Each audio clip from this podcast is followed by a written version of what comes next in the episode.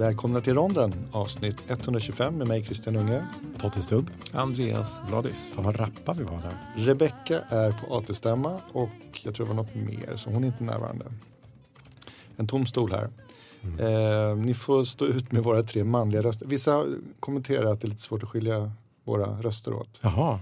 Andreas, kan du prata lite sådär ett tag? Ja. Okej, då gör jag Totte, det. du kör den där. Ja, jag kör det. Ja, men, eh, hur mår ni? Hur mår Totte? Totte mår fin, fint faktiskt. Andreas? Prima. Lysande.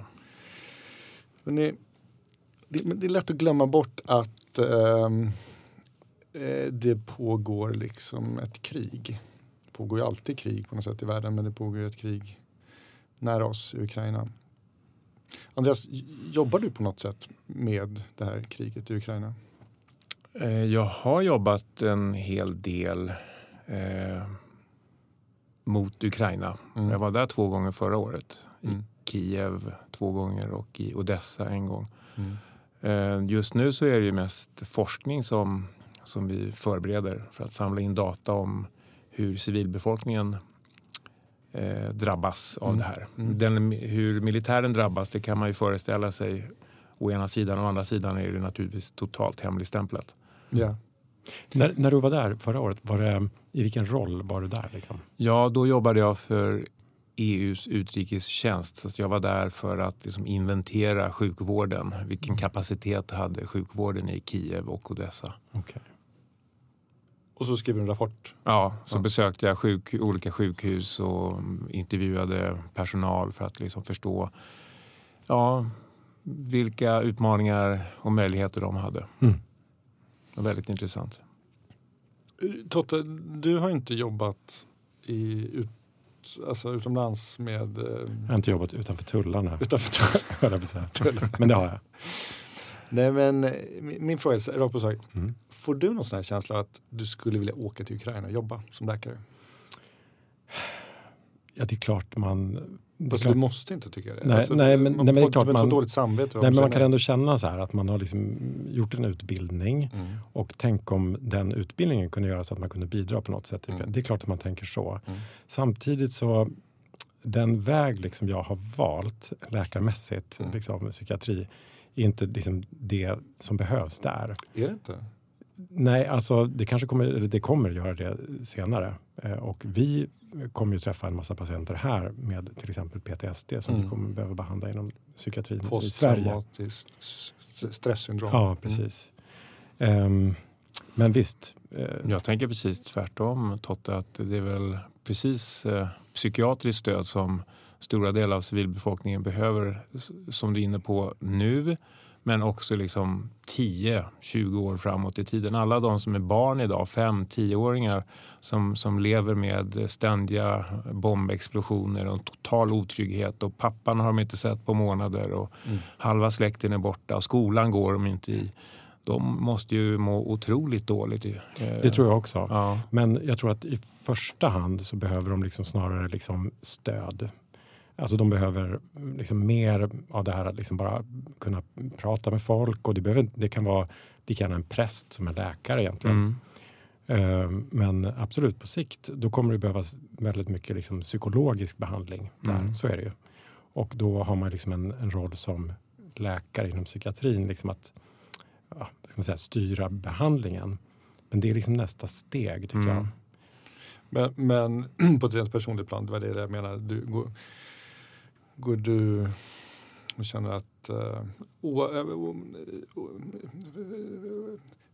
om vi bortser från att du är psykiat, Mm, psykiatriker så, så går, tänker du att du ändå skulle vilja vara på plats och hjälpa till?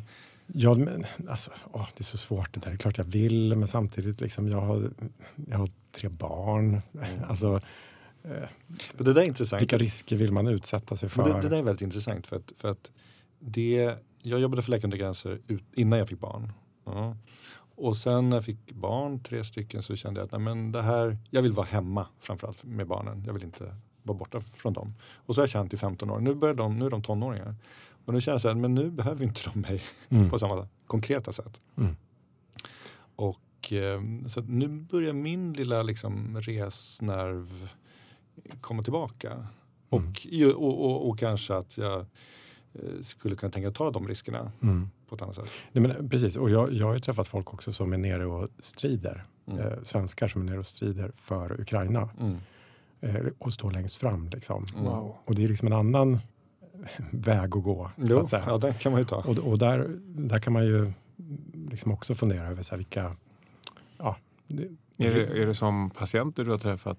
Nej. Nej. Okej. Är det familjefäder? Vet du det? finns sådana också, absolut. Mm, Mm.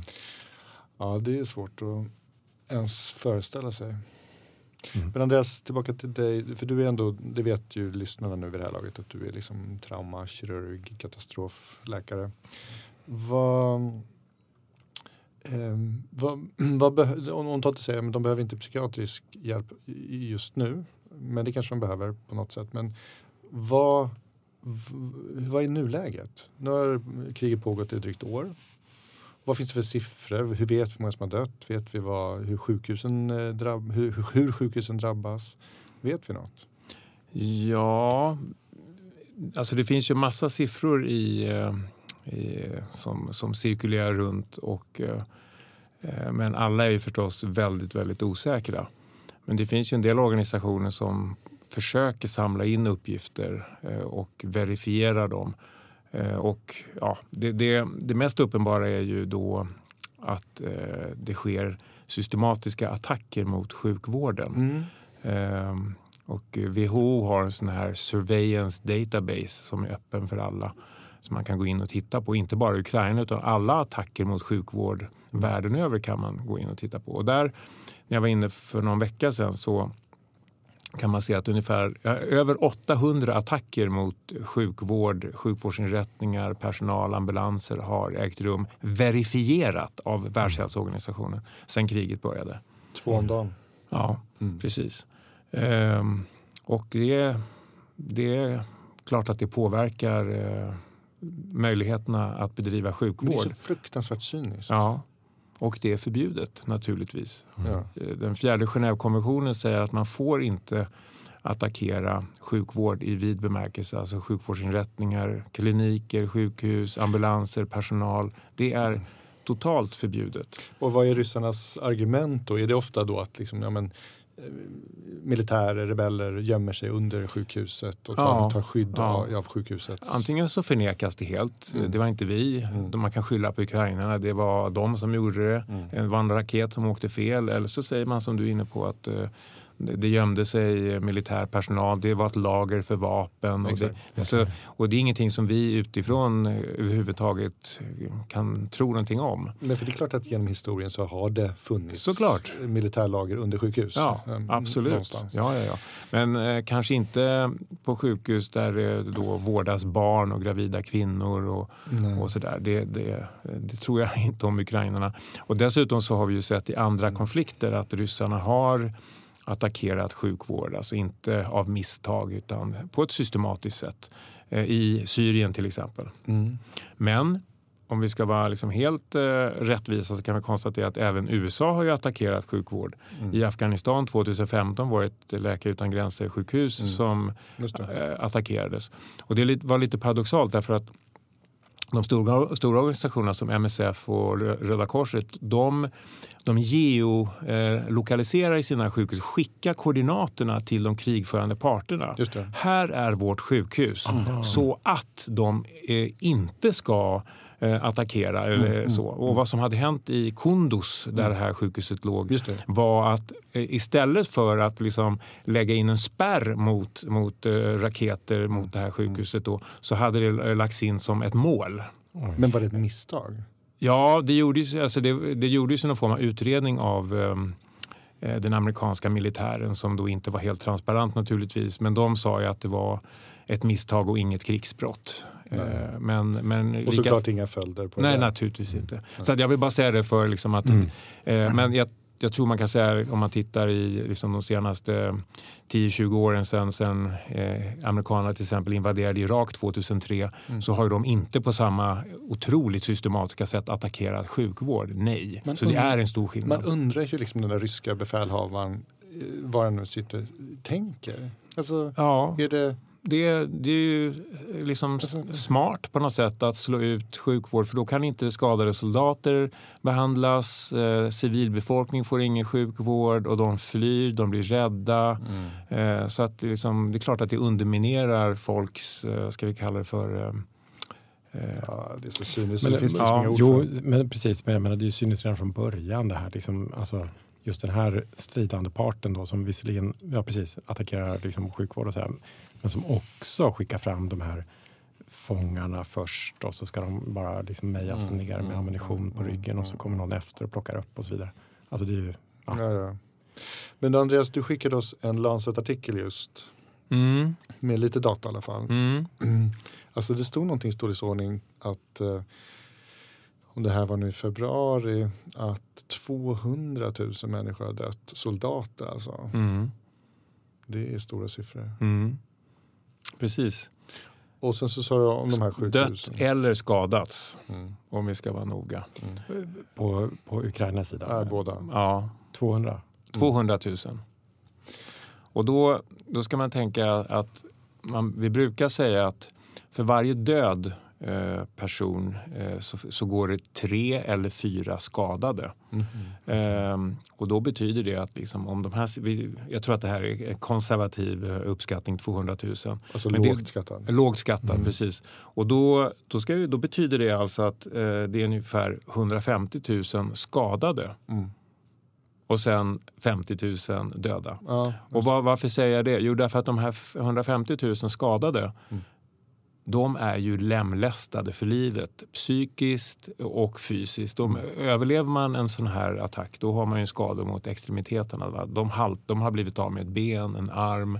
det säger du därför att vi har lärt oss att jag menar, Ja, skador mot kroppen, som bålen, huvudet, det överlever man inte. nej, precis. precis. Så jag tycker det, det ska man ha med sig att de som överlever, och det har vi sett på de här soldaterna som kommer till Sverige, till Karolinska och andra sjukhus i Sverige, att de är otroligt svårt lemlästade. Alltså, De är märkta för livet, eh, både fysiskt och psykiskt. Mm.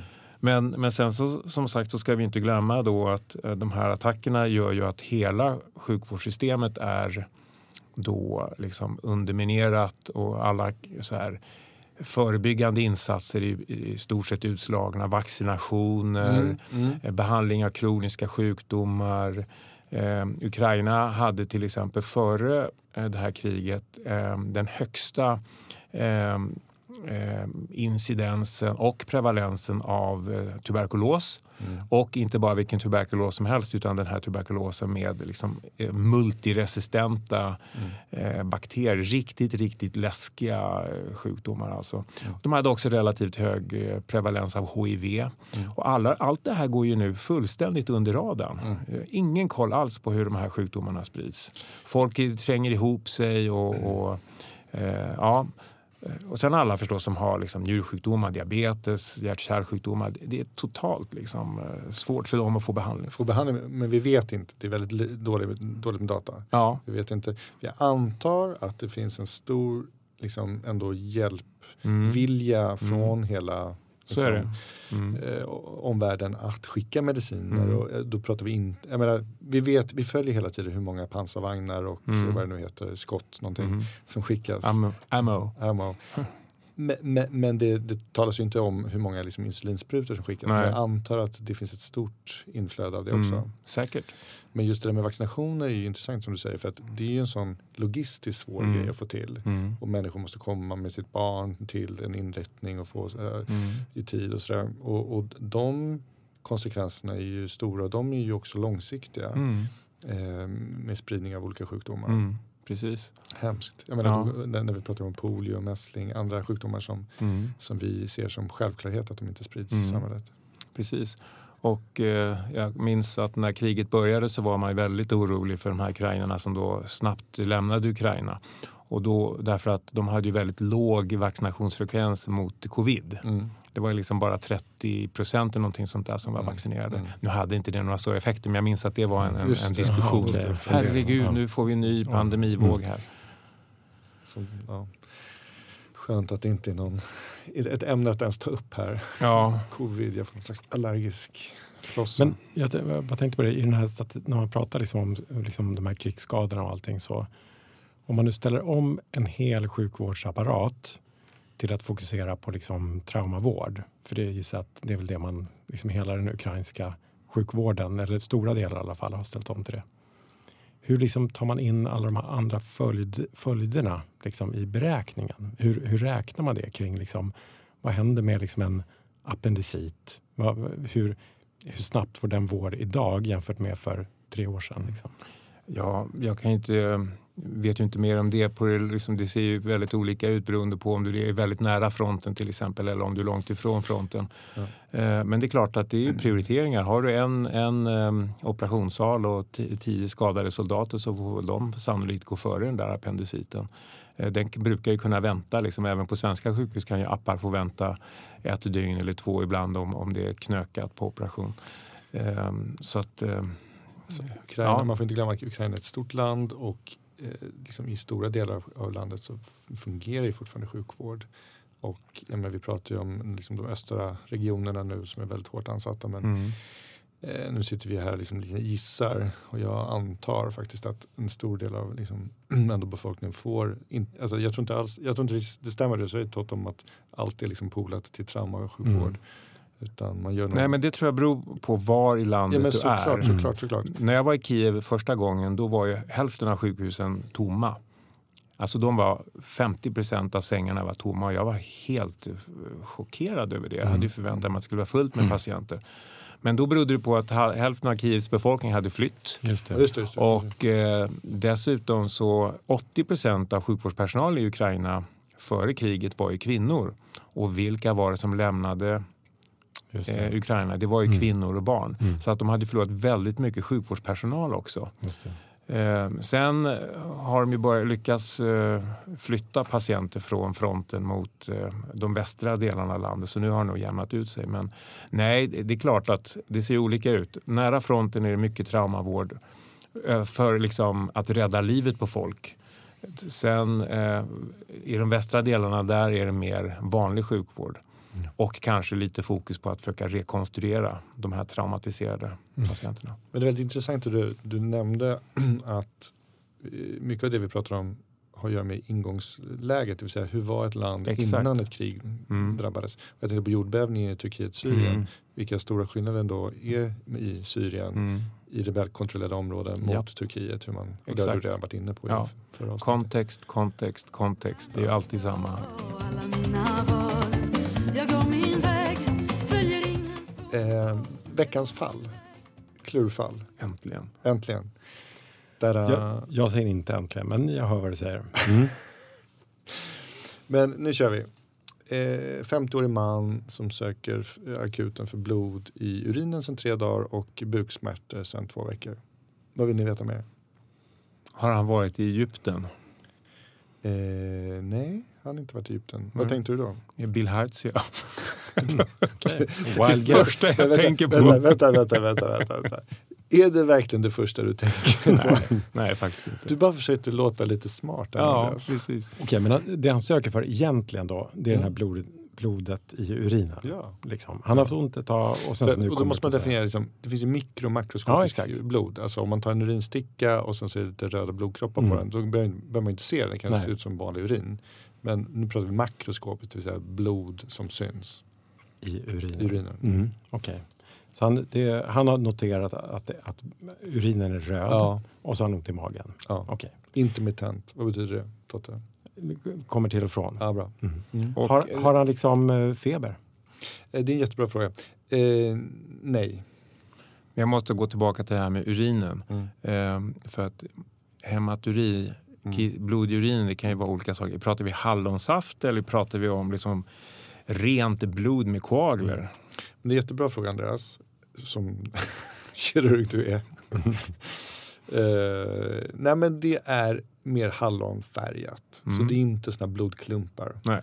Och som du är inne på då, det kan ju vara farligt för då kan det bli stopp. Exakt. Ja. Mm. Och det säger också någonting om varifrån det kan blöda.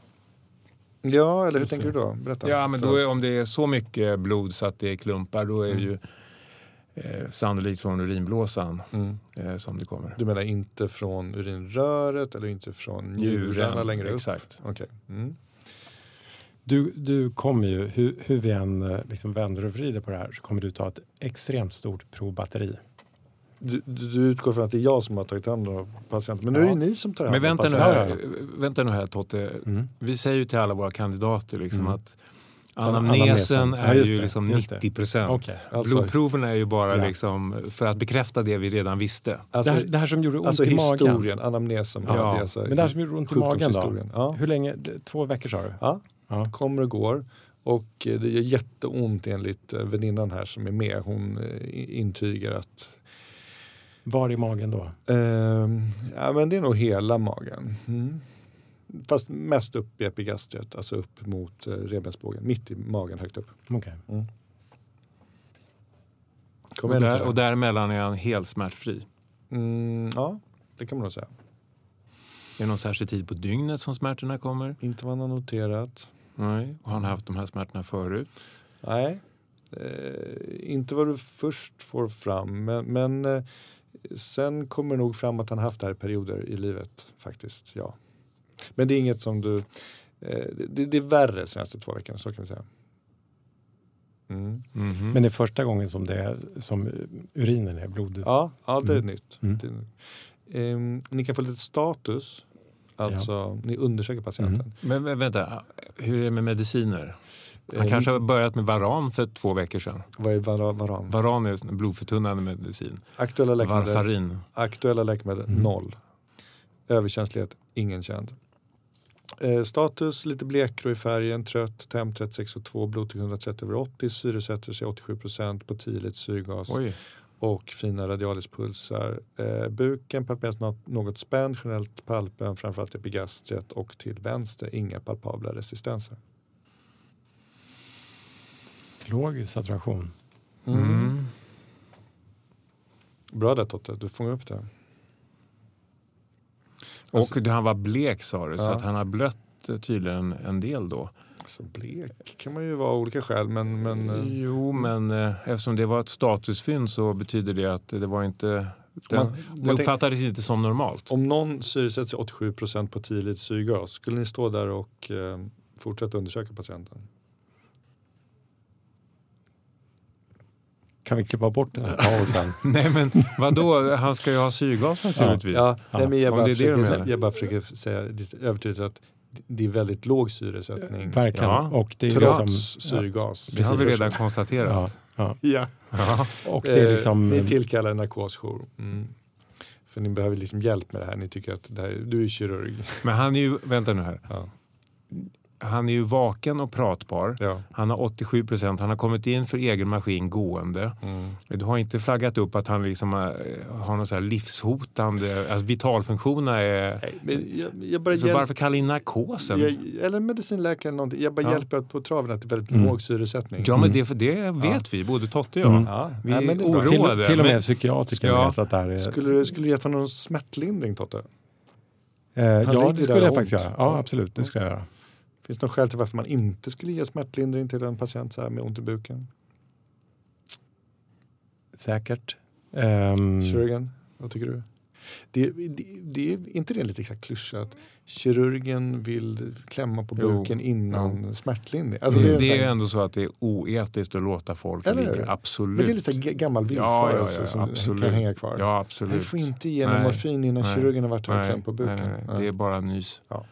Men kan man liksom, um, okej, han har ont i epigastriet, Mm. men om man liksom undersöker honom då, Ja. liksom, är det, om man liksom dunkar lite på njurlåsorna, ingenting där. Nej, bra fråga Totte. Det kan man inte påstå. Han är inte dunken. Och det är inte en peritonit om det var det du Ja. var ute efter. Alltså Ja. bukhinneinflammation. Hur är det per rektum då? Det har du inte hunnit känna. Men det gör vi. Ja men okej och då är det mm, normalfärgad avföring på handsken. Och prostata, Prostatan eh, är normalstor. Hur är Du tittar på honom och andningen? tycker nog att han ser lite gul ut i, är ögonvi, i, i eh, ögonvitorna. Ja, hur är andningen? Eh, Andas lite han höj, förhöjd andningsfrekvens, Men det är- ren andningsljud. ren andningsljud? Mm. vi har Och han är lite gul. här då. Han är Mm. lite gul. Mm. Mm. Okej. Skulle du ta ditt provpaket nu då? Och det skulle kunna då jag bara försöker tänka liksom om den här, någon form av leverpåverkan skulle kunna ha en koppling till hans hematuri. Blod i urinen. Blod i urinen. Mm. Mm. Nej men precis, nu får ni börja sätta på tankeknölarna. Jag hade liksom hoppats lite på en så här sorkfeber eller någonting. Alltså, Mm. Ja, liksom, Ja, det är det första man tänker Ja. på i den här ja, symptombilden, nej, men, eller hur? nej men Ja, ändå men så här. inte? Det är väl en jättebra diftdiagnos? Man tänker så här, ont i magen, lite hematuri. Ja. Alltså det, Och då sitter det, som Andreas sa, i anamnesen. Var, var kommer sorkfebern ifrån då? ja, men att han har liksom städat ur någon vedbod på landet. Ja, i, lite i, uppåt Hälsingland. Ja, men exakt, exakt. Ja. Ja. Skellefteå. Ja, Ja. Av, via sorkavföring. Just det. Ja. Men nu leder du oss in på liksom leverspåret här. Nå, men Eller- alltså lite leverpåverkan kan du säkert få av sorkfeber. Nu, Mm. nu kan jag inte det i huvudet sådär men, men eh, det är nog inte helt osannolikt. Ja, det är väl, en, Men jätte, du, det är du väl en jättebra diftdiagnos? porfyri kan man ju tänka också då. En akut porfyri. Ja, det finns ju olika Det är det typer av porfyri. Nej, det är inte det första jag tänker på, långt ifrån. Nej, men jag menar, vad Men eftersom du här- sa att han hade haft smärtor under längre tid. Frågan är alltid så här, för nu, nu, nu kör jag här som ett klurfall, men jag menar om ni är på akuten eller vårdcentralen och tar hand om den här patienten, då är det ju inte zebradiagnosen ni letar efter Nej, första, nej, inte. utan vad är det vanliga? Och det är ju ni inne på, Mm. Det vill säga alltså, urinvägar. Mm. Ja, exakt. Och det kan ju antingen vara liksom en infektion Ja, bra. eller en tumör. En infektion i urinvägar. Ja, Och jag trodde Andreas kanske skulle nämna någon liten sten. Kanske? Ja, det är klart du tänker på att han är gul. Nej, men gud, gud, det kan vara flera saker. Men jag menar hematuri. Ja, ja, ja. Vad, Ja. Ja, det är klart att eh, vanliga- njursten eller uretärsten. ja, Eh, men Exakt. det brukar ju vara någon sjukdom i urinvägarna som retar och ger en blödning. Precis, Ja, men det brukar ju ge våldsamma smärtor. ja men jag menar, Eh, och, eh, det- där är vi olika hur mm, vi reagerar på smärta. Och, mm. mm. Men, men, men, men det är väl en diftdiagnos som vi Men det, här, det är så otroligt disparata symptom här. Liksom. Det är Det, bra. är, det är låg sat- saturation, det är lite gul, han är blek samtidigt, han Mm. har blod i urinen, han har Ja, det smärtor. är ju- dels men- en två veckor och Tror du- dels en längre tid Tror tillbaka. du alltid att kan, kan patienter aldrig ha två saker samtidigt Jo, i din det är det, det är det som de kan ha och det är det som är det svåraste. Mm. När man har två... Är det inte så också med liksom just urinvägar? Mm. Nu rätta mig ni som kan det här om jag har fel. Men att även om man liksom skulle hitta en rimlig förklaring till hematuri Mm. liksom i nedre urinvägarna Mm. så utesluter ju inte det på något sätt att det finns någonting högre upp. Så är det. Och så behöver man kolla det också. Ja, Absolut. Ja. Så att, men, men om vi nu går tillbaka till just det här fallet så det som står ut mest farligt akut det är kanske den där syresättningen, eller hur? Mm. Mm. Och då så gör man, vad, vad, vad, vad gör man? Finns det någon diftdiagnos man tänker så här plötsligt tungt att andas och eh, låg syresättning? Förlåt, har jag missat det? Hade han plötsligt fått svårt att andas? Nej, men han har det nu när, du, när, när han presenterar sig här Ja. så ser ju du att han syresätter sig dåligt. Ja. Så kan man säga. Ja. För han hade ju normala andningsljud. Ja, normala andningsljud kan han ha. Men finns det någon... ja men det är klart man, man ska utesluta lungemboli då. Bra där. Ja, Så lungemboli, propp i lungan, ville man utesluta. såklart. Och då gör man en CT-thorax, Mm. datortomografi. Mm. Eh, och då passar man på, när man då lägger patienten i den här datortomografen Mm. för att titta på lungorna, propp i lungorna. Så, så kör man hela thorax och buk. Och buken och Eller kollar något dick. Ja. på njur... Eh, alltså du kollar på njurvägarna helt enkelt. Ja. Om det finns en sten som stänger av någonstans. Mm. Eh, dick Han får ju då- ja. bra diftdiagnos. Vad Mm. står det för Totte? Disseminerad intravagal... Vasal. Intra, intravasal Koagulation. koagulation. Den där vagala var ju skön. Mm. Eh, nej men precis en sån här bl blödningshistoria med Som blir liksom multiorgan. Man konsumerar massa, massa koagulationsfaktorer Ja, så men den, den, det väl, lägg de här härliga diftdiagnoserna på hyllan där. Eller liksom lägga upp dem på bordet. Och sen så argumenterar de för och emot. Ni får lite prover nu då. För det Mm. hade ni ju tagit Mm. på den här patienten, eller hur? Absolut. Och eh, då har ni ett eh, blodvärde på 96, blodplättar 181, eh, CRP, alltså snabbsänkan 88, normala salter förutom kreatininet, alltså njurvärde som är 124 lite för höjt. Bilrubinet, alltså Eh, restprodukt eh, från röda blodkroppar är kraftigt förhöjt, 93. Och sen så dina dickprover som du föreslår att åt, de är ganska normala förutom D-dimer. Alltså proppprovet som är förhöjt 2,6. Och det är också en akut fasreaktant. Så det, Ja, det kan ju vara förhöjt av många olika skäl. Precis. Det behöver inte bara, bara vara propp. nej. Men man gjorde den där eh, skiktröntgen och den visade ingen propp i lungorna och inte någon njursten. Men gallvägarna, Gallväggarna var normala. okej.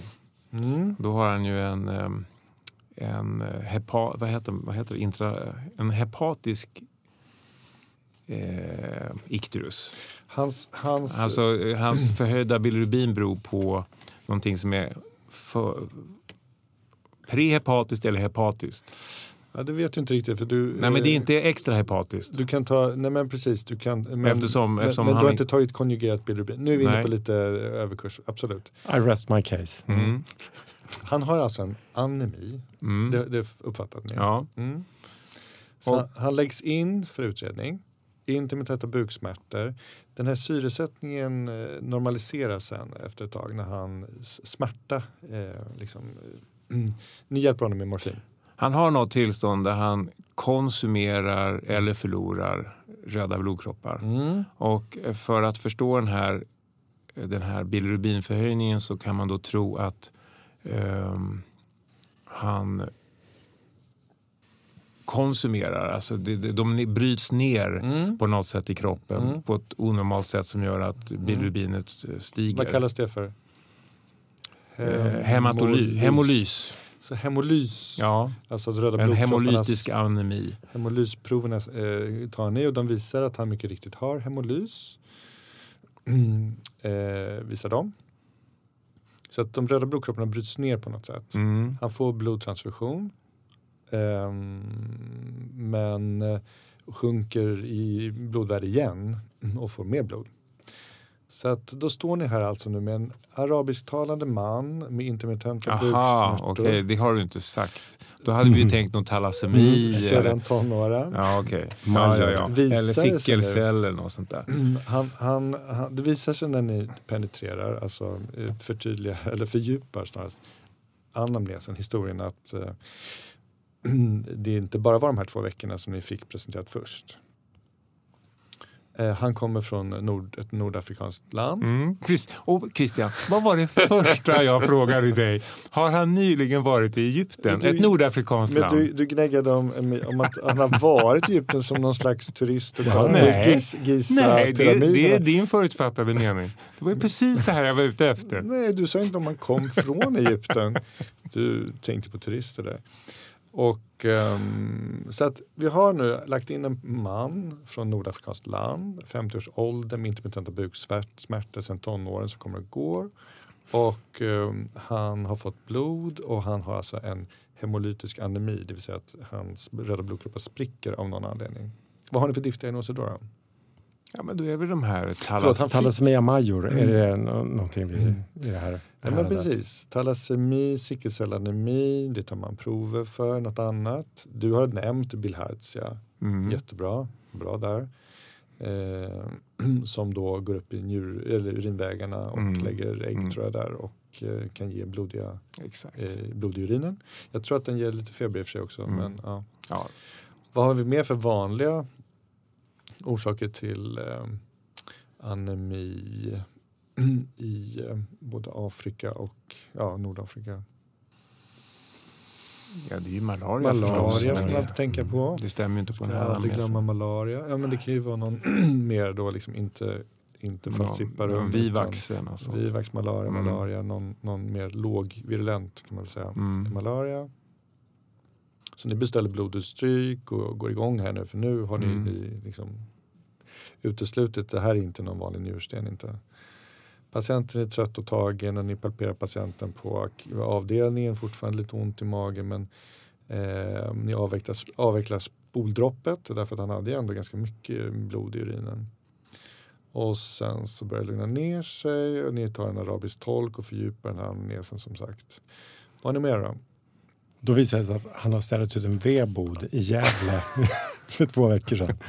Det, Jag skulle säga du sa att patienten var trött och tagen. Jag tror att även vid det här laget att doktorn är trött och tagen.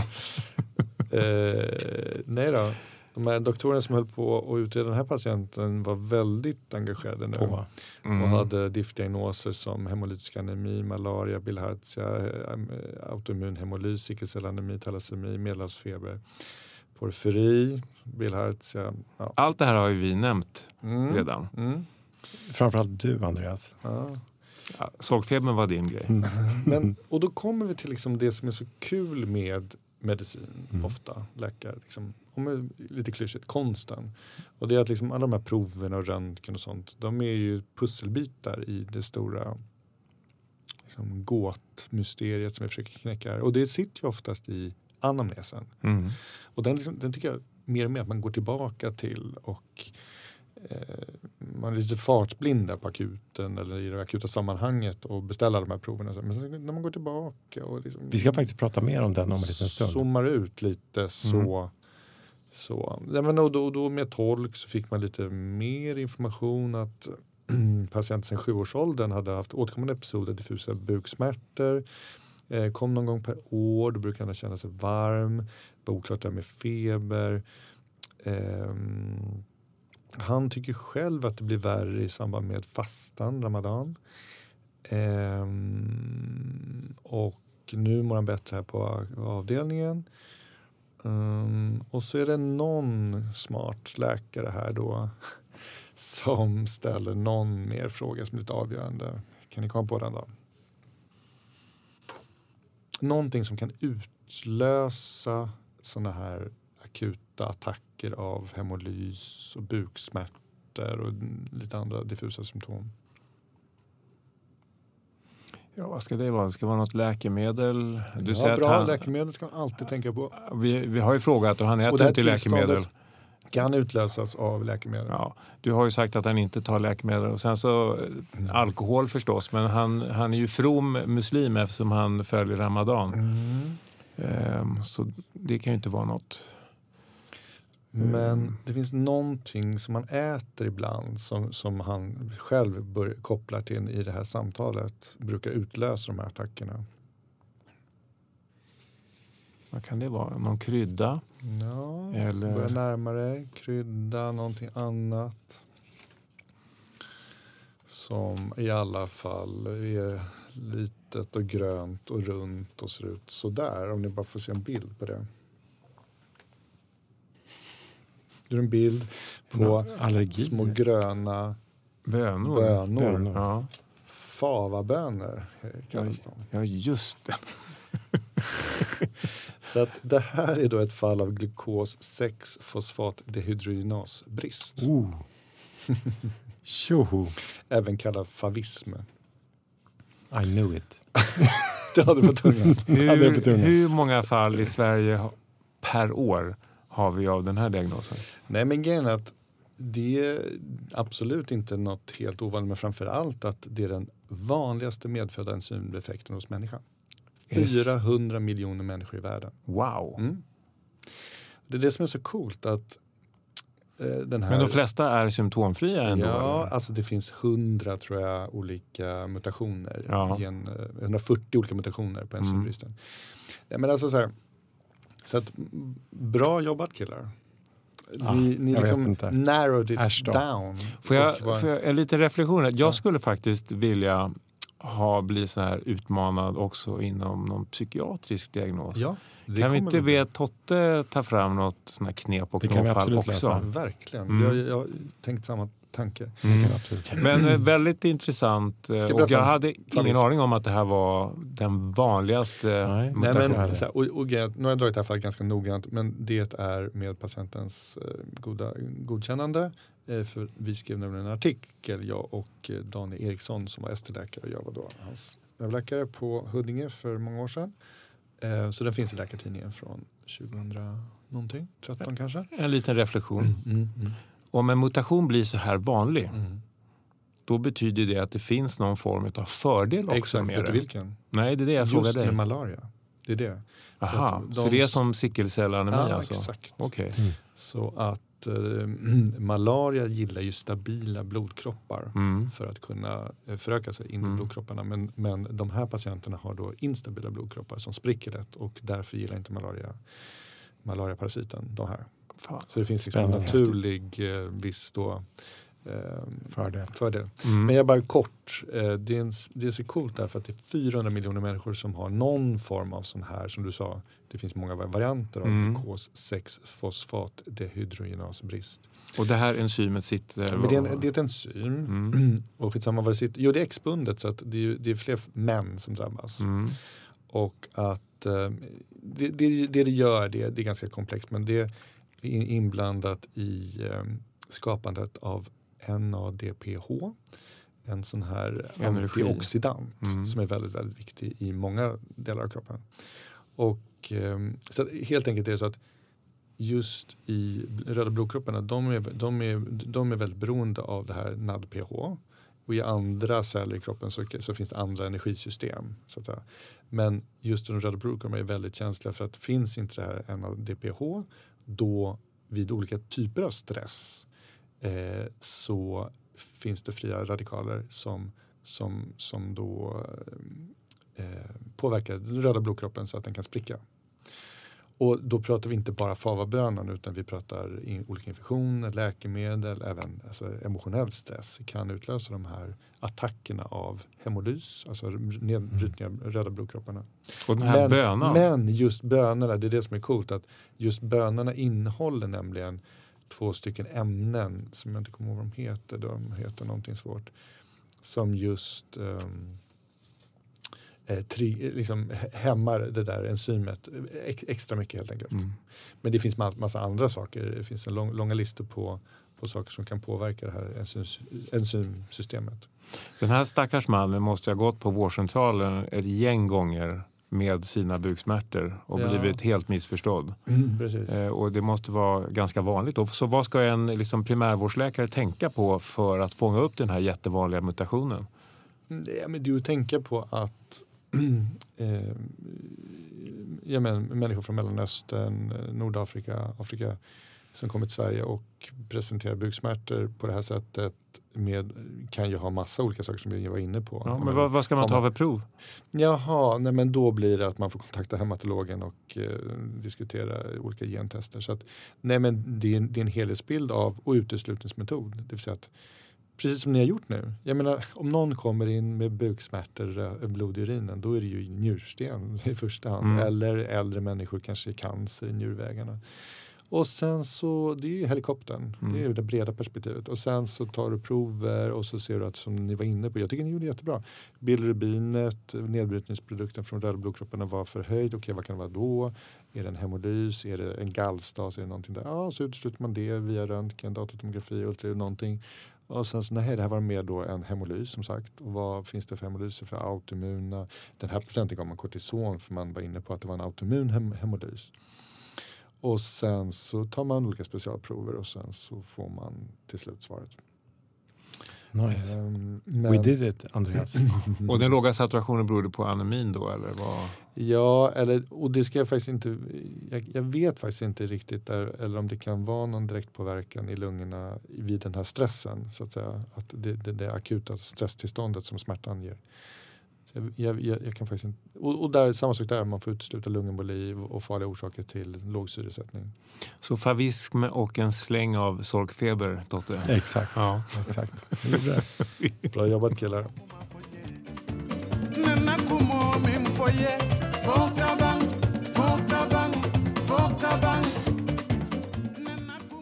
Jag skulle vilja prata om någonting som heter faktor X. Vad tänker ni på då? Arkivex, Hmm. Faktor X. Alltså är man ny från KI Mm. eller hematolog Alltså Faktor X. så säger man så här, ah, men det heter inte det heter faktor 10 Ja. och det är liksom essentiellt i koagulationskaskaden. Ja, exakt. Protrombinas. Ja, ja, ja. okej. Faktor X, faktor 10. Ja. Har man jobbat några år som läkare och i synnerhet inom psykiatrin då tänker man snarare X-factor, inte det här programmet när då. Simon Cowell sitter och förnedrar Vad och med, hånar vad folk med som psykiatri sjunger på en scen. Va- Varför psykiatriker just? Ni har så mycket tid att prata om. eh, Ja, vi kanske är lite mer världstillvända. aha. För mig är faktor X den här, du är inne i någon situation som du absolut inte begriper. Och det är någonting som gör att det, det du är i. Eh, som förklarar det du är i. Den här okända faktorn. Exakt. Det är för mig faktor X. Exakt. Ja. Mm. Och det är precis det jag tänkte prata om. Ehm, Jag hade en patient som berättade någonting för mig som, liksom, som personer inte har pratat om tidigare. Och så, ehm, ni vet inom psykiatrisk öppenvård, man, många följs ganska länge. Liksom. Man, alltså till skillnad från liksom, kirurgiska specialiteter och eh, Mm. många internmedicinska specialiteter. Så vi har våra patienter ganska länge. Mm. Och så berättar den här patienten någonting som den hade varit med om för jättelänge sedan. Mhm. Och så tittar jag tillbaka i journalen och så ser jag liksom att så här, den här personen har följts hos oss i många, många, många år. Och det som den personen var med om då borde egentligen ha varit liksom riktningen för behandlingen. Mhm. Förstår ni vad jag menar? Mm. Mm. Och den har inte varit det. Utan det är en massa andra saker. Man har, och man har provat 20 olika läkemedel. Man har provat fem olika eh, psykologiska behandlingar. Alla liksom under någon form av liksom KBT-paraply. Hade jag vetat det här som den här patienten berättar nu Mm. för 10, 15, 20 år sedan. Då hade vi erbjudit helt andra typer av behandlingar. Men hur kommer det sig att patienten drog det här nu då? Och Eh, inte tidigare? t- tiden var väl mogen liksom kanske. Var det trauma? Det var någonting som hade varit jobbigt att inte prata om? Alltså, eller som patienten inte själv hade uppfattat som viktigt att ta upp? Precis. För, för där finns det en skillnad också tänker jag. Ja, exakt. Ehm, till att börja med, har ni varit med om liksom, patientfall där liksom, information från en patient helt har liksom, förändrat behandlingen? Mm. Jag förstår vad du är ute efter. Um, nu, om vi bara, så här, det finns flera aspekter av det här. Det vi pratade om förut här, favism, uh, fallet som vi drog. Där tror jag att i samma andas barn så var det på något sätt att det man får presenterat på akuten eller vid ett första möte, det är ofta det man går på. Och, sen, och så kör man på liksom framåt bara med utredningar och prover och röntgen och sånt där.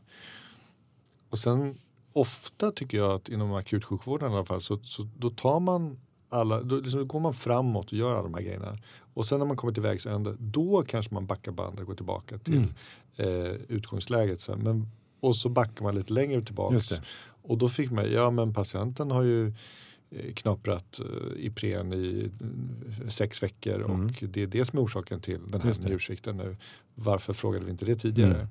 Så det, det, det, det är den första personen, liksom, den anamnesen som, som den första läkaren ofta tar är kanske det som, som gäller. Så det gäller att verkligen ifrågasätta Mm. den här för, liksom, punkt, tidpunkt noll. Just det.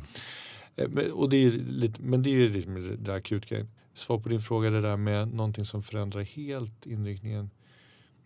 I min värld så har det ju mer med, med ehm, eh, liksom eh, vårdnivå, hur man ska gå vidare, om man ska, huruvida man ska trappa upp vård eller gå ner och kanske om, göra om det till palliation. Eh, det vill säga det som framkommer ur patientens livshistoria. Det kan vara att det är inte helt ovanligt att akut sjuka, sjuka patienter som, som, som, som jag är med och tar hand om eh, vi kör på, vi utreder en hjärtinfarkt eller sepsis eller stroke eller någonting.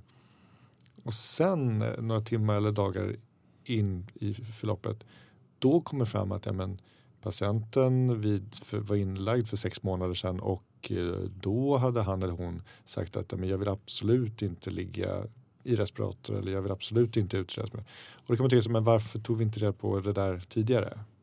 Just det. Och, och, det är också lite samma som det är ute efter. Det vill Mm. säga någonting som förändrar en information som kommer som, som, som vi borde ha tagit reda på och tänkt på innan. Mm. För det hade avgjort hur vi hade eh, Vi, vi fattar liksom alla våra medicinska beslut utifrån en massa olika liksom, aspekter. Mm. Vi tar labbprover, Mm. eh, vi gör röntgenundersökningar, vi gör liksom kroppsundersökningar. Ehm, och ibland i alla fall så finns liksom hela nyckeln i det patienten berättar. Mm. Ibland. Mm. Jag eh, tänker att eh, i Sverige så brukar vi säga att vi har åsiktskorridorer. Att det är bara en enda tanke som är liksom okej på något sätt. Eh, fram tills att plötsligt så är det en ny tanke som är okej. Men, och då kommer jag tänka på uttrycket diagnoskorridorer. Att det blir ju lite grann sådär. Liksom. Inläggningsdiagnosen eller den första diagnosen, det är den som vi alla bara utgår ifrån. Och då krävs det antingen det krävs tid att liksom sätta sig ner och fundera, titta på, i datorn, gå igenom alla labbprover, prata med patienten. Och det krävs också kompetens för att liksom ifrågasätta den satta diagnosen, eh, då, den som har diskuterats på röntgenronden eller som alla har nämnt. Liksom.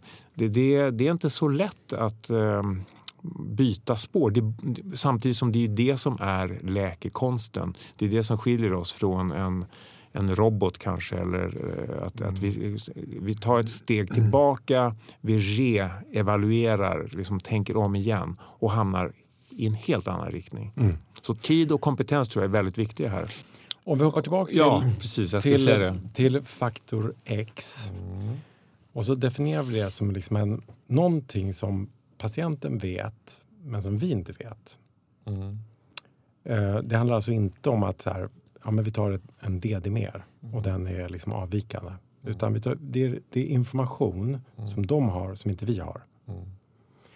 Och så tänker vi oss att ibland har patienten information som de inte vet är relevant för oss. Nej. Exakt.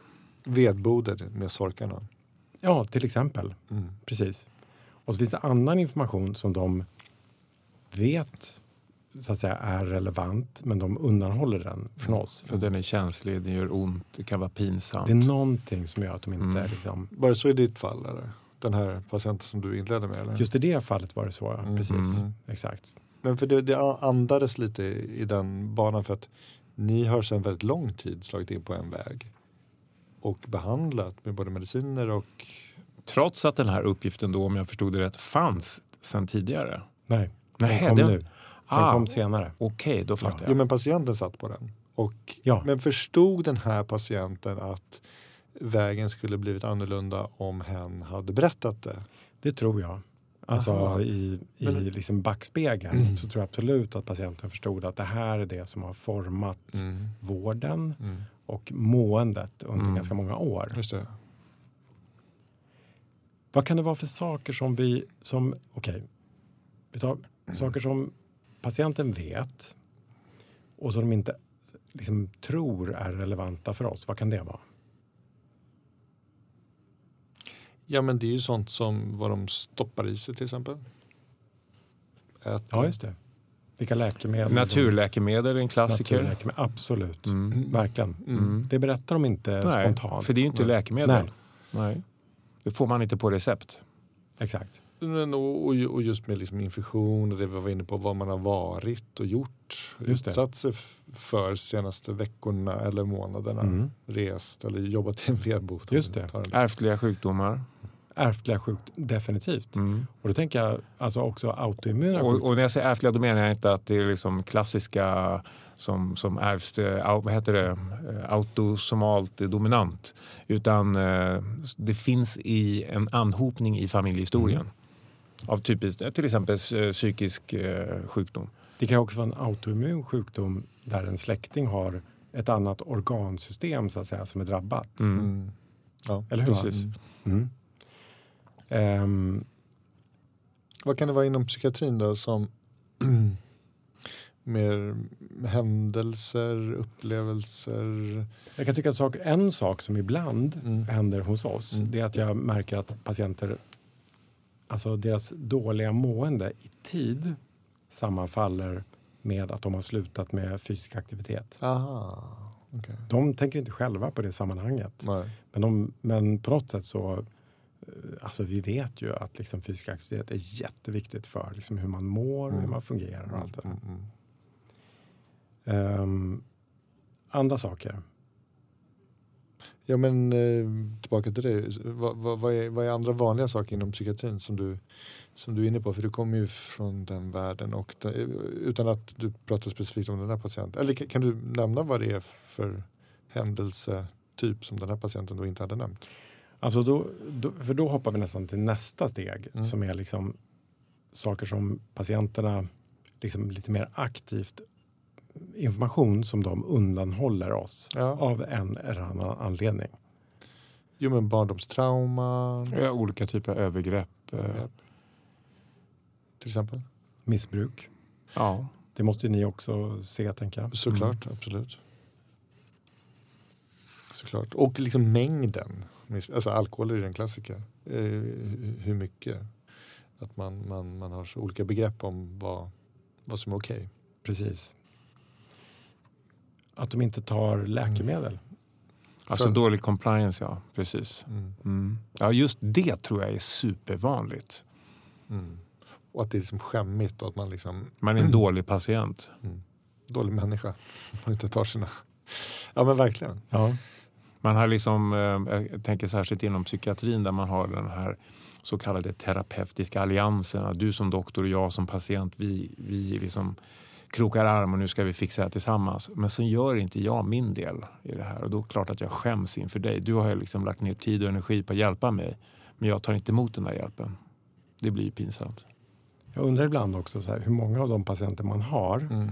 Alltså, och det här gäller ju både inom psykiatrin och alltså, även hos er. Där man undrar så här, var finns det faktorer i det här som vi inte känner till? Mm. Förstår ni? Mm. Alltså som, det spelar ingen roll hur mycket labbprover vi tar och hur mycket röntgenundersökningar vi gör. Men vi, Mm. liksom, vi kommer inte komma längre. Mm. Och hur, hur får man då den informationen? Jag minns att när jag var ST-läkare så såg jag någon, några siffror på det där vad gäller till exempel för receptförskrivning. Du skriver ut 100 recept. De här siffrorna verkligen liksom får man ta med en stor nypa salt. Okej, 70, proc- 70 av de där recepten hämtas ut. Av de 70 recepten som hämtas ut så används 50, procent, 50 stycken. Eh, av de 50 stycken eh, används 30 stycken på det sätt som du har ordinerat. Alltså återigen, ta de här siffrorna med en stor nypa salt men de illustrerar att vi tror att eh, bara för att vi ordinerar någonting så, så kommer det följas. Men så är det inte. Nej, men just följsamhet i medicin är det ju, och vi ställer ju de frågorna väldigt svepande. Tar du Mm. mediciner? Ja, okej, Mm. klart. Mm. Mm. Och det är svårt att Mm. forska kring. Hela min avhandling hade kring följsamhet till bromsmediciner på HIV-patienter att göra. Mm. Eh, erkänt svår typ av forskning. Mm. Och ehm, låt säga nu att man har ett antal patienter där det finns en, liksom en faktor X. Ehm, hur, alltså räcker det med liksom att okej, vi kan som läkare kan vi försöka liksom skapa ett vad ska man säga, inlyssnande och icke-dömande klimat så att patienten liksom kan berätta om saker liksom, utan att skämmas eller utan att liksom, Mm. Finns det andra saker vi aktivt kan göra, tror ni? Nu börjar jag få en sån här snabb tanke här. Ehm, om jag är patient hos dig och eh, jag, är, jag är man eller kvinna men du känner som läkare att det, det funkar inte riktigt bra mellan oss. Vi är så olika som personer. Jag tror inte Andreas riktigt eh, liksom litar på mig. Kan du då som läkare dra slutsatsen att det är bättre att, att Andreas går till någon annan av mina kollegor. Jag tror att han klickar bättre med den här andra kollegan. Får man vara, har, du någon, har du någonsin eh, haft eh, den tankegången? Absolut. Ja. Ehm, absolut. Ja. Ehm, så kan det absolut vara. Det Ja, kan men- vara sociala skäl, det kan vara språkskäl, det kan vara... Ja, Men gör man det? Byter man patienter? Ja, jag, alltså, jag tycker att det är ganska bra egentligen. Alltså, om det är så att man känner själv att så här, men det här, det här liksom, vi klickar inte riktigt. Nej, exakt. Nej. Vi är artiga, vi är trevliga, men vi Oft- når inte varandra. exakt. Oftast blir det ändå på patientens initiativ. Mm. Alltså, det är ju Ja, liksom just det. sällan på mitt initiativ som Nej. man liksom byter läkare. Men absolut, det, de exemplen finns. Men här menar jag just att det var ditt initiativ, att du som så att säga, terapeut inom citattecken känner att jag tror inte att den här patienten fullt ut litar på mig och därför så får jag inte fram faktor X. Mm. Det är ju Mm. någonting här som som inte riktigt stämmer. För att få fram faktor X kanske patienten borde prata med någon annan. Mm. Eller? Möjligtvis. Har du knäckt liksom gåtan till det här faktor X? Sitter du på svaret? Här? Jag gör ju inte det. Ehm, ibland så får man liksom en glimt in i det och, så liksom, och då tänker man så här. Hmm, det är inte så att man går liksom och misstänkliggör alla andra patienter för att, så att de också bär på någon hemlighet. Men ibland ändå så liksom tanken kan liksom hisna lite. Mm, att det är liksom verkligen. så här, hur många är det som sitter med Verkligen. någonting som de inte berättar? Mm. Och då har vi också vårt journalsystem. Som om jag ska få läsa era journaler, om jag ska få läsa hela patientens berättelse, Mm. då måste jag ha patientens samtycke. Mm. Eller hur? Ehm, patienten kan också ha spärrar i journalen Mm. Som gör att jag kan bara få del av en viss information. Mm. Har ni någonsin upplevt att här behandlar jag en patient och ehm, det kan finnas intre, intressant liksom, material i journalen som ni inte har tillgång till? Har det hänt?